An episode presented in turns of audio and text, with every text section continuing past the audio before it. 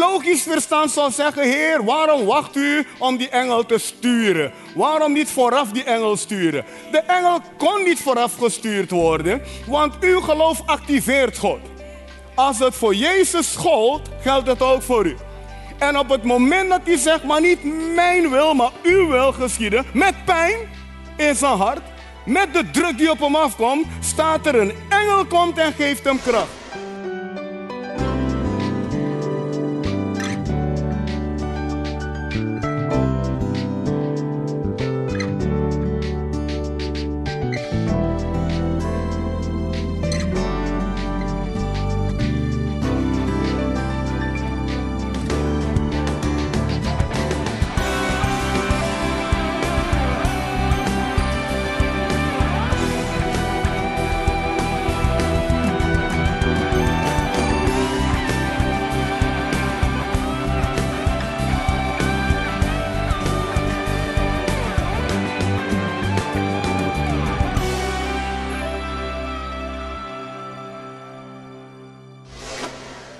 Alles kan anders zijn dit nieuwe jaar. Klinkt dit niet hoopvol? Je zit misschien in hele moeilijke omstandigheden. Of je zou misschien sommige dingen zo graag anders willen zien in je eigen leven. Er staat een krachtige tekst in de Bijbel. Jij geheel anders, want je hebt Christus leren kennen. Christus spreekt over de Heilige Geest. God verzekert ons eigenlijk dat Zijn geest in staat is om alles in ons leven te veranderen. Er zijn genoeg mensen in de Bijbel en er lopen genoeg mensen rond vandaag de dag die dit hebben ervaren. Apostel Holder zal ons verder leiden in deze hoopvolle waarheid. Heel veel zegen tijdens deze uitzending.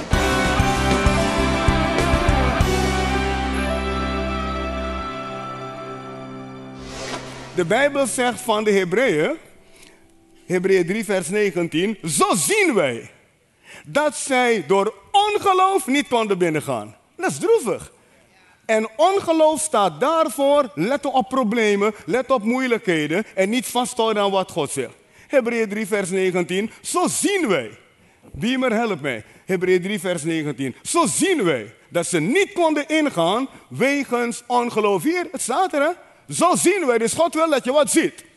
Oeh, God wil dat je wat ziet. Zo zien wij, zegt Paulus hier, dat zij niet konden ingaan in hun erfenis, want dat is het. Zo zien wij dat ze niet hun erfenis in bezit konden nemen wegens ongeloof. Maar ze hadden er recht op. Het was hun erfenis, het was hun erfdeel. En toch hebben ze het gemist door ongeloof. En dan zegt de Bijbel ons in 1 Korinthe 10, ik meen vers 11. Deze dingen zijn hun overkomen, ons tot een voorbeeld. Opdat wij niet murmureren, niet negatief zijn. Je kan God missen door negativisme.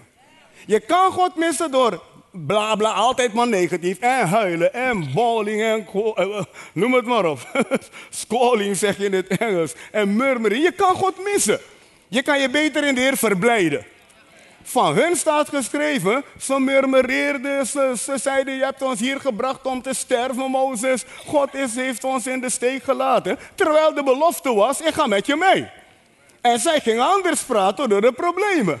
En dan zegt Paulus in 1 Korinthe 10, hier, dit is een overkomen tot een voorbeeld voor ons. Dus u kunt niet zeggen, dit was oud-testamentisch. Het was oud-testamentisch, maar het patroon is ook nieuw-testamentisch toepasbaar. Kan ik aan mijn horen? Zo zien wij, dit is hun overkomen tot een voorbeeld voor ons, voor Holder. En het is opgetekend ter waarschuwing voor ons over wie het einde der eeuwen gekomen is. Dus de Bijbel laat hier zien dat je niet een, murm, een, een klager moet zijn. Is niet wijs om te klagen, je moet de belofte geloven. Soms is de verleiding groot om te klagen. Zeker als omstandigheden moeilijk zijn, mensen doen moeilijk. Dat zijn de momenten dat je opmerkzaam moet zijn. Dat zijn de momenten dat je moet zeggen, en toch heeft God beloofd me te helpen. En toch heeft God beloofd te voorzien. En toch heeft God doorbraak beloofd. En toch heeft God gezegd, alles zal anders zijn. Kunnen we God glorie geven, mensen?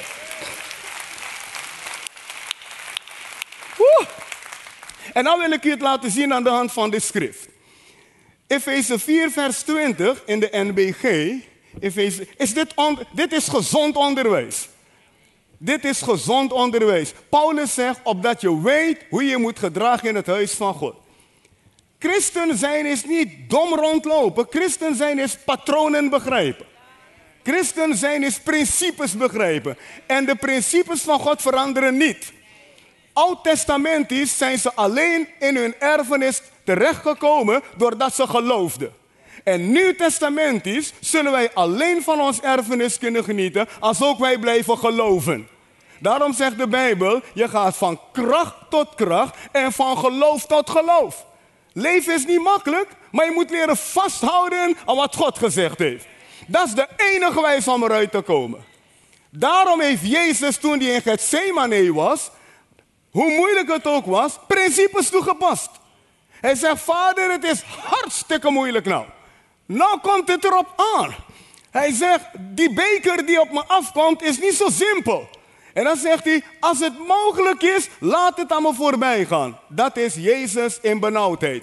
En nou komt Jezus de gelovige. Maar niet mijn wil, uw wil geschieden. Het eerste gedeelte is Jezus met zijn aanvechtingen. Vader, vader, vader. Vader, was heftig. Vader, indien het mogelijk is, laat deze lastige beker aan me voorbij gaan. Dat is de man met zijn gevecht. Het de tweede gedeelte van wat hij zegt, is de man met zijn geloof. Hij zegt, maar niet mijn wil, uw wil geschieden. En de Bijbel zegt, omdat hij duikt in geloof, activeert hij God. Want hij wist, om Holder vrij te krijgen en deze wereld vrij te krijgen, moet ik naar het kruis gaan. En ik wil die weg gaan. En toen hij zijn geloof activeerde en zei, maar niet mijn wil, maar uw wil, toen kwam een engel en versterkte hem. De engel kwam niet vooraf. De engel had ook vooraf kunnen komen. Van Jezus, ik weet dat je het moeilijk hebt, dus ik ga je alvast kracht geven. Maar zo werkt het niet.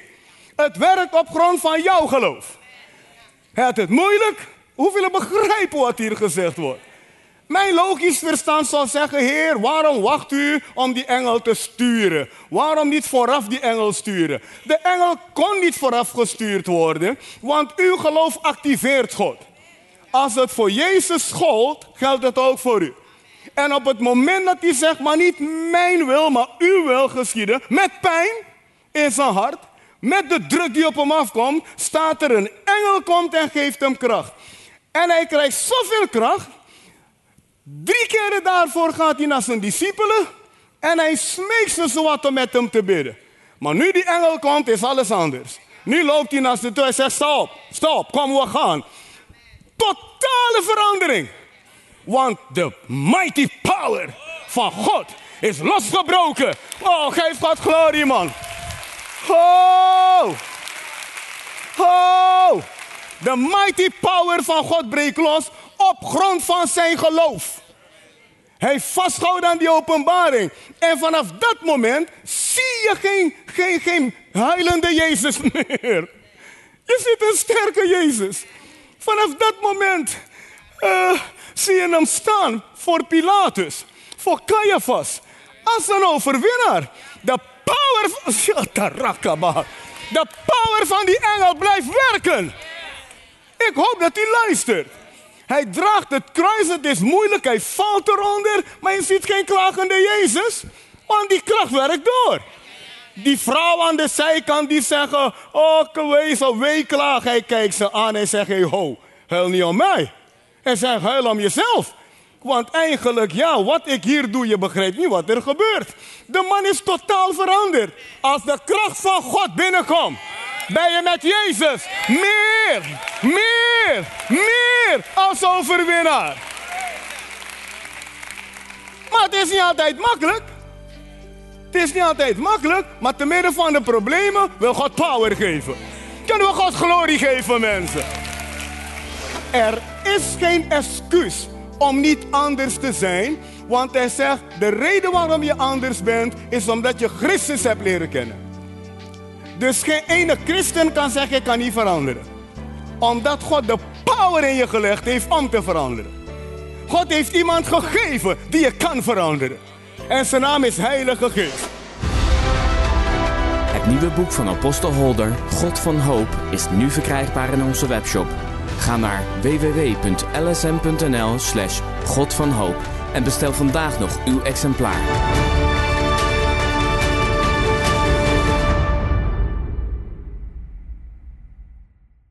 Mijn logisch verstand zal zeggen: Heer, waarom wacht u om die engel te sturen? Waarom niet vooraf die engel sturen? De engel kon niet vooraf gestuurd worden, want uw geloof activeert God.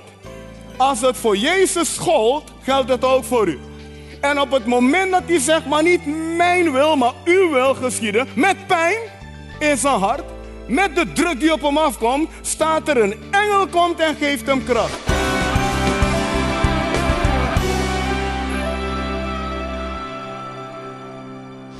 Dus alles is anders gaat voor LSM werken als wij ook weten hoe ermee overweg te gaan. Alles is anders gaat voor u werken, je familie, je gezin, als je weet hoe met dingen overweg te gaan. En je zal je oog op Jezus moeten richten, want de vijand zal alles doen to distract you. De vijand zal alles doen om je af te leiden. Want dat is, zo werkt hij. Hij is een verleider, een afleider en een misleider. Als je je kan afleiden van de dingen van God, heeft hij je. Want de kracht is als je focust. Oké. En dan Efeze 4, vers 20 zegt, maar u geheel anders. U geheel anders. Waarom? U heeft Christus leren kennen. Niet Jezus, hoewel Jezus ook inclusief is. Jezus zit er ook bij, want Christus is de gezalfde Jezus. Maar Christus legt de nadruk op de Heilige Geest. Christus betekent Messias, the anointed one. Natuurlijk is Christus Jezus, dus begrijp me niet verkeerd. Maar als de Bijbel Christus accentueert, dan accentueert de Bijbel de werking van Gods geest op zijn leven. Jezus is de verlosser en Christus helpt je om van je verlossing te genieten. Ik hoop dat u dit begrijpt. Jezus is de verlosser. Maar Christus is de Heilige Geest die jou helpt om van je verlossing te genieten. Zonder Christus kan je niet van Jezus genieten. Oké, en hij zegt, jij geheel, jij geheel anders. Wil je buurman zeggen, God wil dat je geheel anders zal zijn. En eigenlijk begint je leven ook zo. Want als je gered wordt, zegt de Bijbel, je bent een nieuwe schepping. 2 Korinthe 5 vers 17 zegt, zo is wie in Christus is, een nieuwe schepping. Dus God ziet je als totaal nieuw. En weet je wat? Hij wil dat je ook nieuw gaat leven. En dan ook nog totaal anders, geheel anders. Het is een proces en daarom moet je dicht bij Christus blijven. Heb je de Heilige Geest nodig om geheel anders te zijn. Er is geen excuus om niet anders te zijn. Want hij zegt, de reden waarom je anders bent, is omdat je Christus hebt leren kennen. Dus geen ene christen kan zeggen, ik kan niet veranderen. Omdat God de power in je gelegd heeft om te veranderen. God heeft iemand gegeven die je kan veranderen. En zijn naam is Heilige Geest. Je kan niet zeggen, ja maar ik ben zwak, ik kan die sigaret niet laten staan. Ja maar ik ben zwak, ik, ik moet toch porno dingen zien. Ja maar ik ben zwak, ik moet liegen. Flauwekul. Christus is aan boord. De power van de hemel is aan boord. Als je leert met hem te wandelen, kan je geheel anders zijn. Kunnen we God glorie geven, mensen?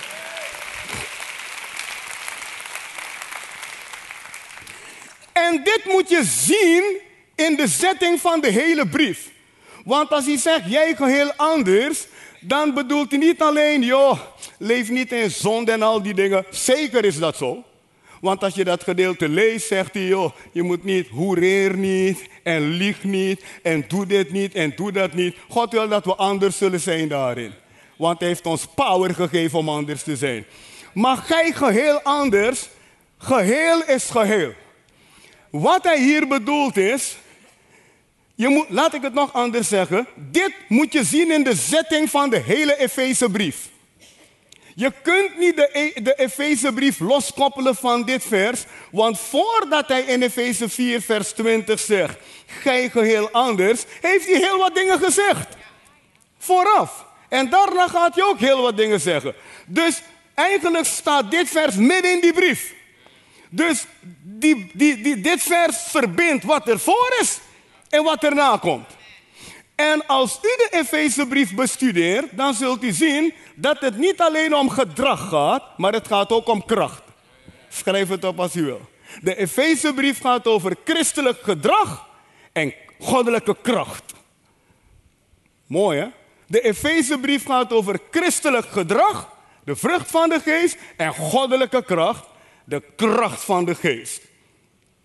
Nu, en het is logisch, want alleen door de Heilige Geest kan je een christelijk gedrag aan de dag leggen. Kan ik aan mijn horen? Hoe wil je de vrucht van de geest demonstreren zonder de Heilige Geest? Dus als hij zegt, jij geheel anders, is het je gedrag. Ik geloof niet dat christenen negatief horen te zijn, murmureren, jaloers, mensen dingen niet gunnen, te veel aan jezelf denken. Dat is niet het werk van de Heilige Geest, dat is het werk van het vlees. Een christen hoort van een ander te houden. Een christen hoort een ander te helpen. De Bijbel zegt, heb je vijanden lief. Dus als we elkaar niet kunnen liefhebben, moet je nagaan hoe ver je achter op het programma bent. Ik ga het herhalen. De Bijbel zegt, heb je vijanden lief. Maar als je niet elkaar kan liefhebben, ben je goed achter op het programma. De vijanden moeten niet langskomen, want je maakt moes van ze. Als je mede broer en zus niet kan liefhebben, waarom denk je dat je vijanden zal liefhebben? Want die zijn gemeen. Man, voordat je weet, haal je uit en lynch je ze en wurg je ze. Dus begin met je lieve broer en zus lief te hebben. Wil je broer en zus die naast je zit zeggen, man, ik hou van je met de liefde van de Heer. Wil je ook zeggen, wil je ook zeggen, luister. lu- Wil je ook zeggen, ik weet dat je niet volmaakt bent hoor. Maar ik ben ook niet volmaakt. Ik hou van je. Als onvolmaakt mens. Want je bent mijn broer. Je bent mijn zus. Kunnen we God glorie geven, mensen?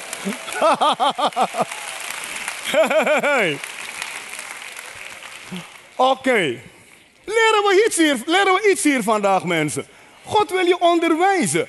Ik, dus als Paulus zegt, jij geheel anders, je hebt Christus leren kennen, is het niet alleen mensen groeten, hallo buurman, alleen buurvrouw, hallo buurvrouw, dag broeder, God zegen. Dat is één ding. Maar het tweede is ook de power. Je hoort te demonstreren dat je anders bent in power. En dan ga je dat bewijzen. Efeze 3, vers 20. Hoeveel weten dat 3 komt voor 4? Ja, nou niet allemaal. Ik zie sommige handen nog niet om. Nou, nou, voordat je 4 krijgt, heb je 3. Dus in Efeze 4 zegt hij, jij geheel anders. Maar net daarvoor heeft hij wat anders gezegd.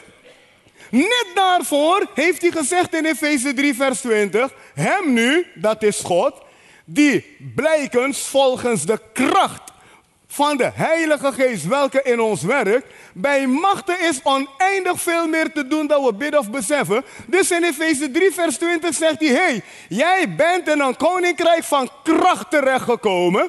En die kracht zit in jou. En schrijf het op. Dat is de kracht van het woord.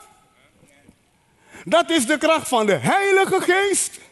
En dat is de kracht van je geloof. Dat zijn de drie vormen van kracht in je leven. Het woord, de Heilige Geest en je geloof. De Bijbel zegt het woord van God is levend en krachtig. De Bijbel zegt de geest van God is de geest van kracht. En de Bijbel zegt geloof is kracht. Voor wie gelooft zijn alle dingen mogelijk. Dus dit woord kracht heeft te maken met het woord van God, het evangelie. Daarom zegt Paulus ook, het evangelie is de kracht van God. Voor een ieder die gelooft. En wat is nog meer kracht? De Heilige Geest is kracht. En wat is nog meer kracht? Jouw geloof. Dus jouw geloof activeert de Heilige Geest en de Geest van God maakt het woord levend in je. En hij zegt, dat zit binnenin jou. Die kracht zit niet buiten je, zit binnenin je. Daarom moet je niet bidden om kracht, maar handelen naar de, de principes van God en dat zal kracht vrijzetten. Waarom bidden om kracht terwijl het in je zit? Het is pure ongeloof om om kracht te bidden. Je kan beter bidden, leer me de principes toepassen. Dan komt kracht vrij. Hij zegt blijkens de kracht. Met andere woorden, het is iets wat gaat blijken, gaat demonstreren. Hem nu, die blijkens de kracht, welke in ons werkt. Woe! Halleluja! Kan me niet schelen hoe je voelt, zet kracht in je. En de duivel zal proberen jouw gevoel de baas te maken. Zeg nee, er is een andere kracht in mij. De kracht van de Heilige Geest om mij te helpen. Halleluja. Weet je, weet je hoe je kracht kan krijgen? Je handen opheffen en God beginnen te loven en te prijzen. Het is hetzelfde. Je wil dat God in je noden voorziet. Soms moet je een zaad zaaien. In het Engels zeggen ze: If you have a need, sow a seed. Zegt de Heer niet, wie weinig zaait, zal weinig oogsten. Wie veel zaait, zal veel oogsten. Als je een nood hebt, moet je leren zaaien. Nou, Holder, die preek was goed tot op dit moment. Je, je was zo goed bezig, man. Je was zo goed bezig. Het leven, om te, om te ontvangen moet je zaaien. Als je een gelukkig huwelijk wil hebben, moet je zaaien. Je moet niet bij je vrouw komen en alleen maar willen nemen. Iemand zei het leven is geven en nemen. Mijn vrouw zei nee, het is geven en krijgen. Zodra je gaat nemen, gaat fout. als je een gelukkig huwelijk wil, begin te geven van je man, geef van je vrouw, geef van je kinderen, geef van je ouders. Hallo. Als je, als je, als je goed wil ruiken, moet je toch de hygiënische wetten in acht nemen. Je moet eerst geven. Onder dat ding staan wat douche heet. En dat ding gebruiken wat zeep heet.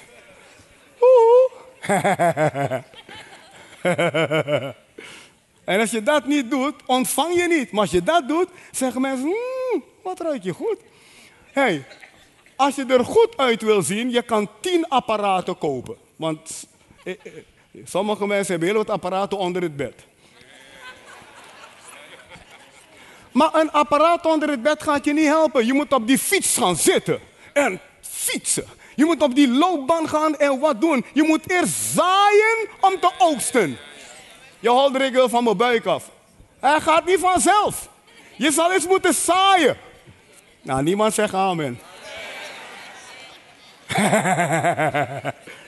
nou, als je wil dat God je financieel zegen, moet je ook leren eerst te zaaien. Daarom liet Jezus die weduwe met dat muntje het zaaien. Wij hadden gezegd, doe het niet. Jezus zegt, dat is het principe. Wat wil ik je vertellen? De kracht komt los als je actief gaat doen wat God zegt dat je moet doen. Kunnen we God glorie geven, mensen? Wilt u deze uitzending of andere terugkijken? Dat kan. Ga daarvoor naar onze website www.levendesteenministries.nl Als wij niet handelen, wordt niks anders.